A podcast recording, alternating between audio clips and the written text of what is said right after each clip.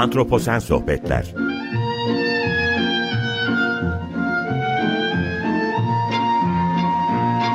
Hazırlayan ve sunan Utku Perktaş Merhaba, iyi akşamlar herkese. Antroposen Sohbetler'de tekrar beraberiz bu hafta. Bu haftaki konumuz 1 milyon tür tehdit altında. Bu başlık altında biyoçeşitliliği farklı bir perspektifte e, konuşmaya çalışacağız.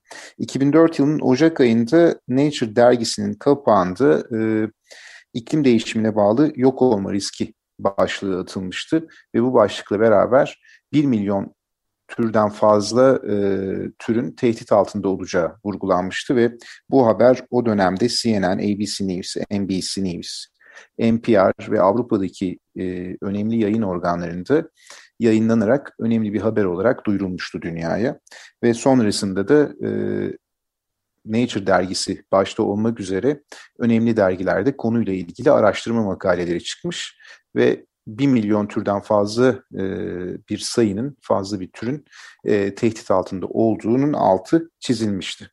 Şimdi ve bunun sosyolojik, ekonomik birçok e, farklı noktada da değerlendirmesi yapılmıştı ve aslında bu e, bugüne kadar gelene kadar karşımıza çıkan çeşitli felaket e, senaryoları ve felaketler işte kasırgalar, iklim değişimi, farklı e, doğa olayları nedeniyle ekonomik olarak da dünya belli ölçüde zarar görmüştü e, ve bunlar da bu değerlendirmeler içerisinde yer almıştı.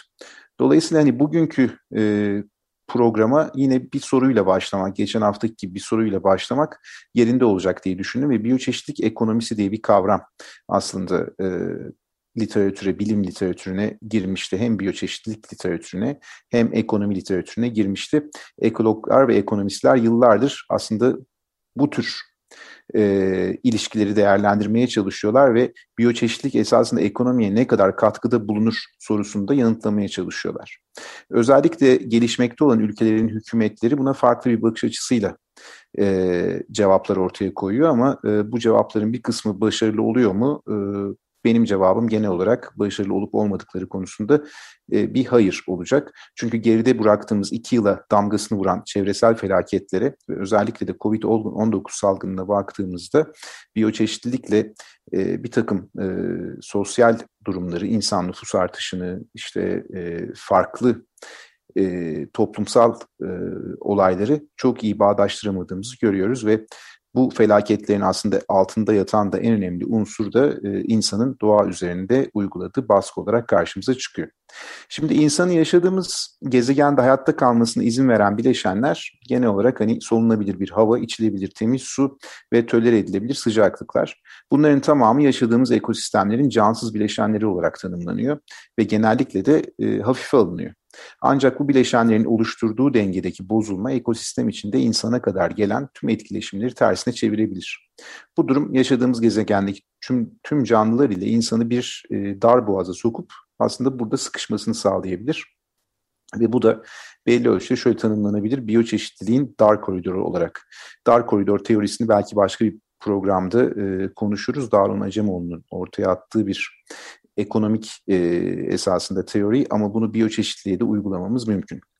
Bunun sonucu bu dar boğaza girmesi, dar bir koridora girmesi ve sıkışmasının sonucu yaşam kalitesindeki düşüşün yanı sıra ekonomik güçlükler olarak da karşımıza çıkıyor. Şimdi Birleşmiş Milletler insan insanların doğa üstündeki yıkıcı etkilerini bugüne kadarki en kapsamlı raporlardan biriyle ortaya koydu. E, bu, bu, bu, bu raporda 50 ülkeden 145 uzmanın hazırladığı e, hazırlığıyla hazırlanmış, ortaya çıkmış bir rapor ve 1 milyon hayvan ve bitki türünün yok olma tehdidiyle karşı karşıya olduğunu vurguluyordu bu rapor. Ve bu gerçekleşirse biyoçeşitlilik krizin en üst noktasını yaşarken sorun insana kadar gelerek yaşadığımız gezegeni geri dönüşümsüz bir şekilde tehdit altına sokacak ve bunu her seferinde aslında söylüyoruz. Bu da e, zannediyorum bu raporun içinde altı çizilen noktalardan biriydi. Rapor 1600 sayfalık bir rapor ve raporun e, içeriğini Birleşmiş Milletler Biyoçeşitlilik ve Ekosistem Hizmetleri konulu hükümetler arası bilim politika platformunun üyesi olan ve raporun da baş yazarlarından biri olan e, İsveç Lund Üniversitesi'nden doçent doktor Mine Işlar ile konuşacağız. Mine Hanım e, hoş geldiniz, nasılsınız? Ee, hoş bulduk Utku Bey. Çok teşekkür ederim bu davetiniz için. Ben teşekkür ederim davetimi kabul ettiğiniz için. Ee, sorulara geçeceğim ama soruları geçmeden önce sizi kısaca tanımamız mümkün olur mu acaba? Evet, e, ben e, dediğiniz gibi İsveç'in e, İsveç Üniversitesi, İsveç Lund Üniversitesi'nde sürdür, sürdürülebilir kalkınma çalışmaları merkezinde e, çalışmalarımı yapıyorum. Hem araştırma görevlisi evet. hem öğretim görevlisiyim. İBBES dediğimiz o sizin e, de bahsettiğiniz hükümetler arası bilim politika platformunda biyoçeşitlilik ve ekosistem hizmetleri üstüne de e, uzman olarak çalışıyorum 2014'ten beri. E, aslında bir sosyal bilimciyim. Boğaziçi Üniversitesi Siyaset Bilimleri, Uluslararası İlişkiler mezunuyum. Fakat doktoramı sürdürülebilir kalkınma üzerine aldığım için böyle bir sosyal bilimciye de ihtiyaç bulunduğu için İBBES'in e, raporlarına e, katılımda bulunuyorum. Çok güzel. Ee, biz de aslında e, ben Antroposel Sohbetler konulu programı bu yıl Mayıs ayıyla beraber Açık Radyo'da başladım bu yeni yayın döneminde ve biyoçeşitlilik üzerine konuşuyoruz. Bugüne kadar yaptığımız konuşmalar genellikle biraz daha pür biyoloji alanında alanı içine girip hani biyoçeşitliliği bu anlamda bilimsel olarak tartışmaktı.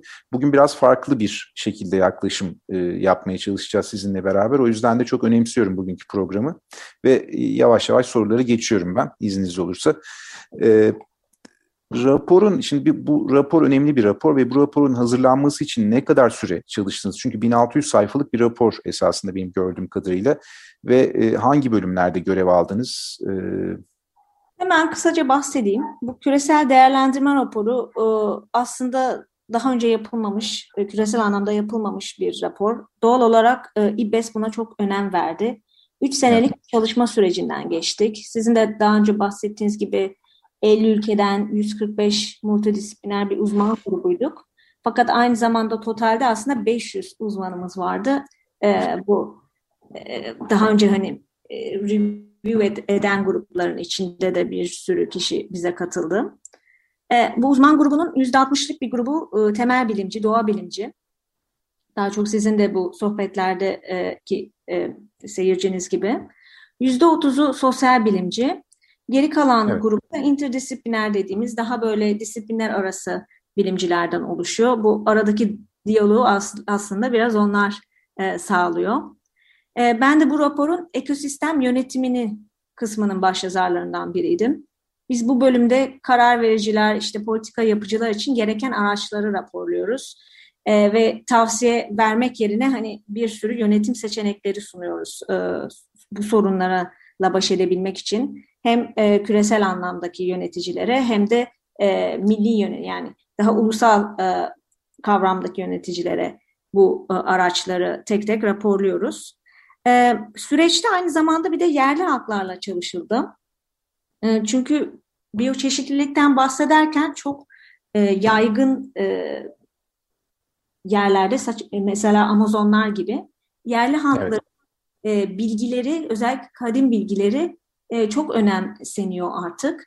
E, fakat bu bizim e, daha temel bilimlerle ya da sosyal bilimler aynı zamanda sosyal bilimlerle çok da yan yana gitmeyen bir bilim e, kavramı e, kadim bilgiler. Fakat biz buradaki diyalog kurarak yerel halkların tem, yer, yerli halkların temsilcileriyle bir e, en azından bir e, ortam e, bilgi alışverişi ortamı sağladık ve raporun da bir kısmında aslında bu sonuçları da diyalog bu, tar, bu tarz e, diyaloğun sonucunda bulabiliyoruz.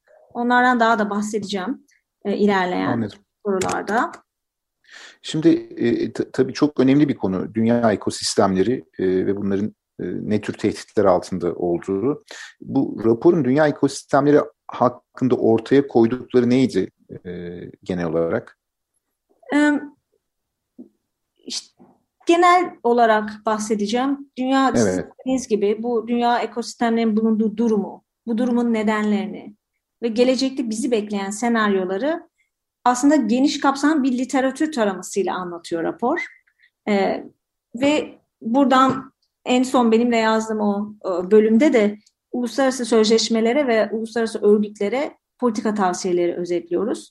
Ben şimdi tek tek geçeceğim bazı özetlerini raporun e, ortaya koyduklarında.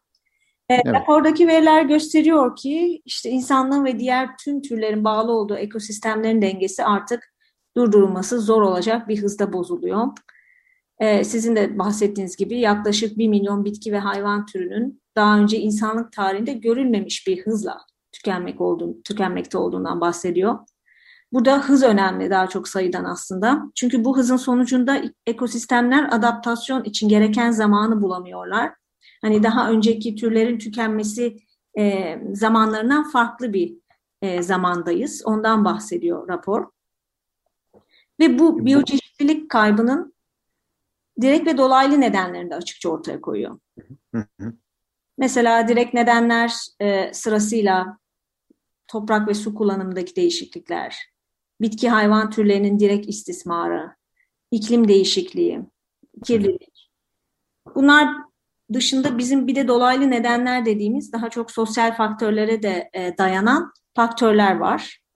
E, bunlar endüstriyel tarım, büyüyen kontrolsüz şehirleşme, yanlış deniz yönetimi ve kullanımı, e, büyüme ve tüketim odaklı ekonomik sistemler ve sizin de bahsettiğiniz gibi nüfus artışı.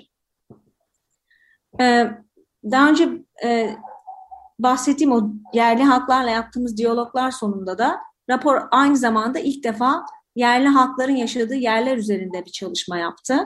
Ve onların evet. koruduğu doğa örtüsünde daha az ekosistem kaybı olduğuna dikkat çekti. Yani bu şu demek, e, raporda da gösteriyor, yerli halklar küresel toprak örtüsünün dünya çapında yüzde 25'ine sahip. Ve rapor onların e, doğayla iç içe geliştirdikleri bu yaşam sistemlerinin biyoçeşitliliğe bizim tüketim toplumlarımızdan daha iyi geldiğini bir, bir şekilde bilimsel olarak da kanıtlıyor.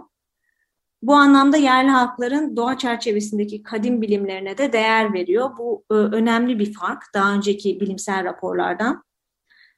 Bir de önemli bir sonuç galiba. Yani e, şimdi bu söylediğiniz e, özellikle yerel haklar üzerine e, raporun raporda altı çizilmesi gereken ya da insanların duyması gereken bir sonuç galiba. Evet, özellikle politika yapıcılar açısından yerli evet. halk, e, yerel halkların e, yaşam biçimlerinin ve onların doğayı kullanma, doğa kaynaklarını kullanma biçimlerinin önemsenmesi gerektiği ve daha çok aslında e, o pratiklerin yaşan, yaşanılması gerektiği, yaşatılması gerektiğine e, aslında önemli bir e, bilimsel veri veriyor açıkçası. E, bu konuda çok önemseniyor İBBES'in bu raporu. Ve evet, bunun bu... sonuçları belki şeye de bağlanabilir. E, raporun zaten en önemli sonucunda da biyoçeşitlilik ve ekosistem konularının sadece çevre konusu kapsamının artık artık ötesine geçmesi gerektiğinden bahsediyor. Yani ekonomik, siyasi ve etik bir bağlamda artık biyolojik e, ve ekosistem biyoçeşitliliğe ve ekosistem konularına bakmamız gerektiğinden de bahsediyor. Daha entegre bir şekilde. Evet. Bu tamamıyla aslında antroposen çağın getirdiği yükü e, belli ölçüde rapor ortaya koymuş durumda. O, özellikle yerel halklar e, bu toplu yaşamla beraber, şehirlerin kurulmasıyla beraber e, biyoçeşitliliğin üzerine gelen yükün ne kadar fazla olduğunu, yerel hakların aslında o kendi özgün yaşamlarının biyoçeşitliliği e, koruma anlamında da önemli olduğunu gösteriyor anladığım kadarıyla benim sizin bu söylediklerinizden. Evet. Yani bir tek insan aktivitesinin sadece zararlı olmadığı çünkü tabii ki de birçok söylediğim faktörler aslında insan aktivitesiyle çok ilgili. Fakat evet. başka insan aktivitelerinin de yani alternatif aktivitelerinde aslında yararlı da olabileceğinden bahsediyor. Bu anlamda bütün dünya toplumunu e, homojen bir şekilde incelememiş oluyoruz. Anlıyorum. Şimdi aslında biyoçeşitlik krizi içindeyiz. Hani bu problemlerden dolayı ve çağımızın en önemli sorunu olarak aslında bu karşımızda.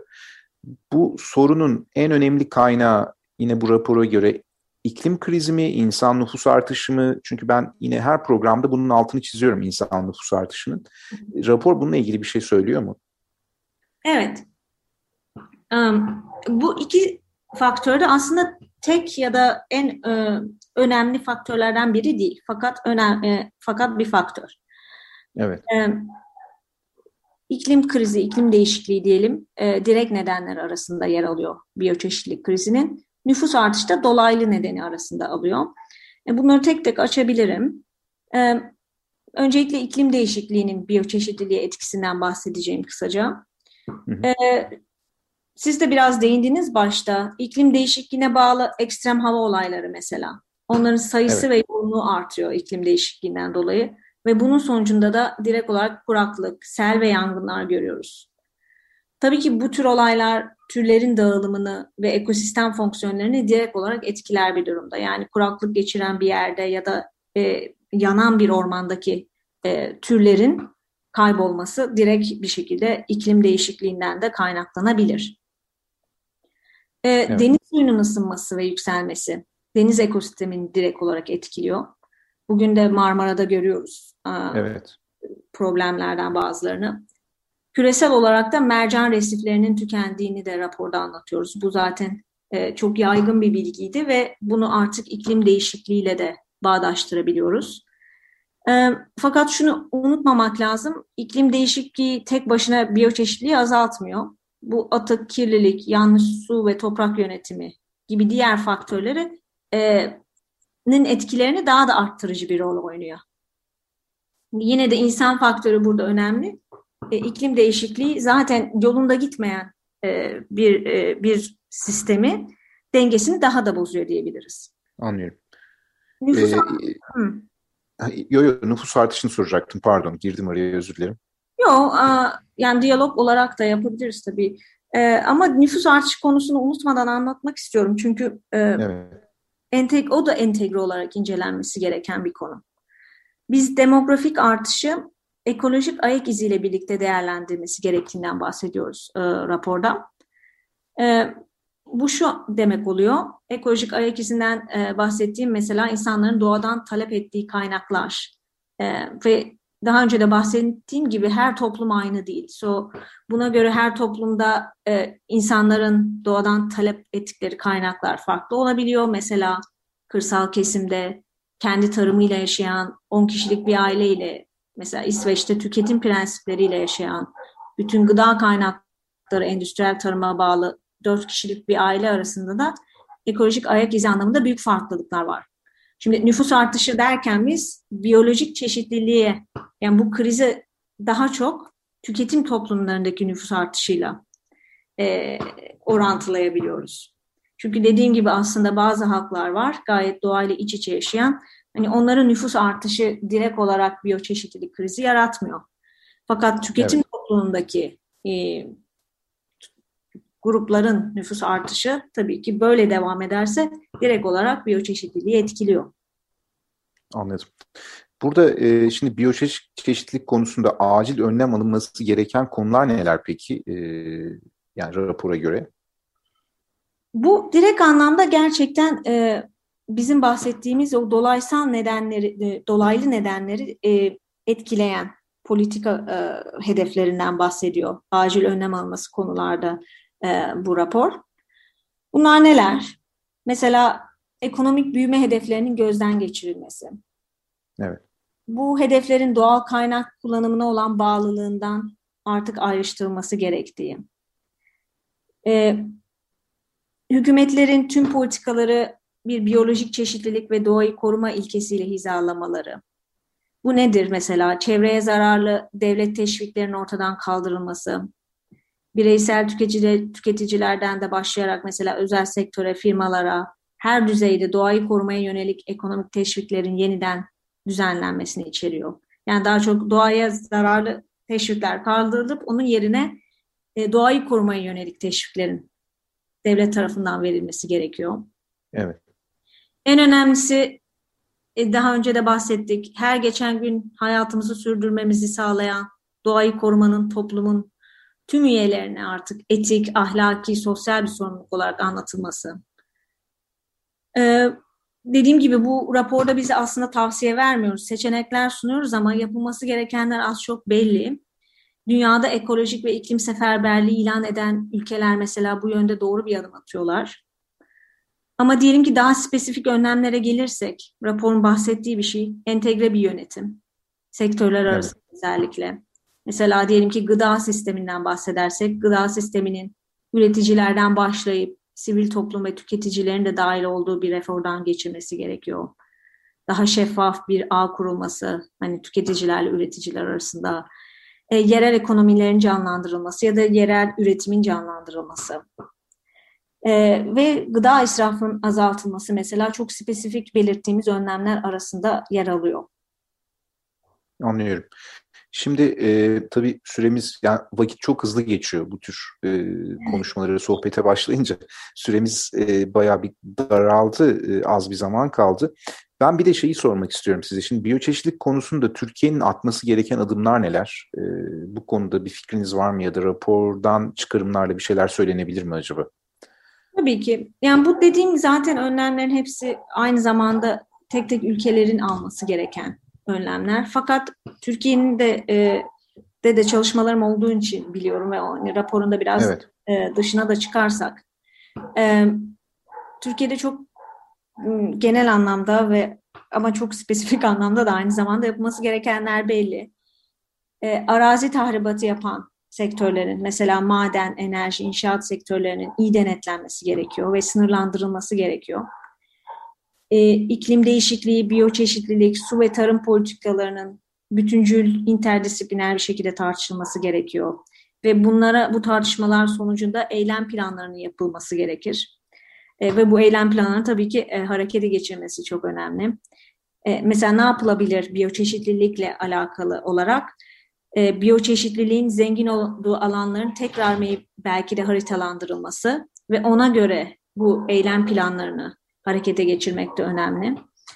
Ee, onun dışındaki her şey zaten e, genel anlamda daha önce bahsettim. Anlıyorum. Ee, kesinlikle hani inşaat sektörüne çok fazla Türkiye'de yatırım yapılıyor gibi görünüyor ve arazi tahribatı çok üst düzeyde. Bununla beraber de enerji sektörü bir yandan işte hidroelektrik santralleri, barajlar bunlar da hem iklimi değiştirecek e, hem de e, habitatları tehdit altına sokacak faaliyetler olarak karşımıza çıkıyor ki e, bir de kirlilik problemi var. Hmm. Bu Marmara Denizi'nde e, bu son günlerde yaşadığımız deniz salyası problemi aslında bunun en önemli göstergesi bizim antroposen dönemle e, Anadolu'da Türkiye'de yüzleşmemizi sağlayan bir pro problem olarak karşımıza çıktı. Ben yine yeri gelmişken yine altını çiziyorum. Bir de e, tabii Marmara Denizi'ni tehdit altına sokacak yine bunu e, hızlandıracak problemlerden bir tanesi de yine Kanal İstanbul olabilir. Ve bu tür şeylerin, bu tür planlamaların çok dikkatli yapılması gerek e, zannediyorum. Hem biyoçeşitliliğe etki ediyor hem bir denizi yok ediyoruz hem kirlilik hem coğrafyayı değiştirmek bunların tamamı zannediyorum e, çağımızın bu büyük biyoçeşitlilik krizine pozitif katkılar yapacak, bunu tetikleyecek etkenler olarak karşımıza çıkıyor. Ee, ben size çok teşekkür ediyorum e, bu sohbet için e, ve benim davetimi kabul edip geldiğiniz için. E, süre çok hızlı geçiyor. Zannediyorum yine bu konuyu konuşmaya devam etsek daha uzar gider. Belki başka bir programda yine farklı bir bakış açısıyla tekrardan değerlendireceğimiz bir noktaya getirebiliriz. Ben tekrardan çok teşekkür ediyorum katıldığınız için Mine Hanım. Ben de çok teşekkür ederim Utku Bey. Böyle bir zaman verdiğiniz için bu konuya. Ne demek? Sevgiler. Çok sağ olun. İyi akşamlar diliyorum e, dinleyicilerimize de. Haftaya Antroposen Sohbetler'de tekrar görüşmek üzere. Antroposen Sohbetler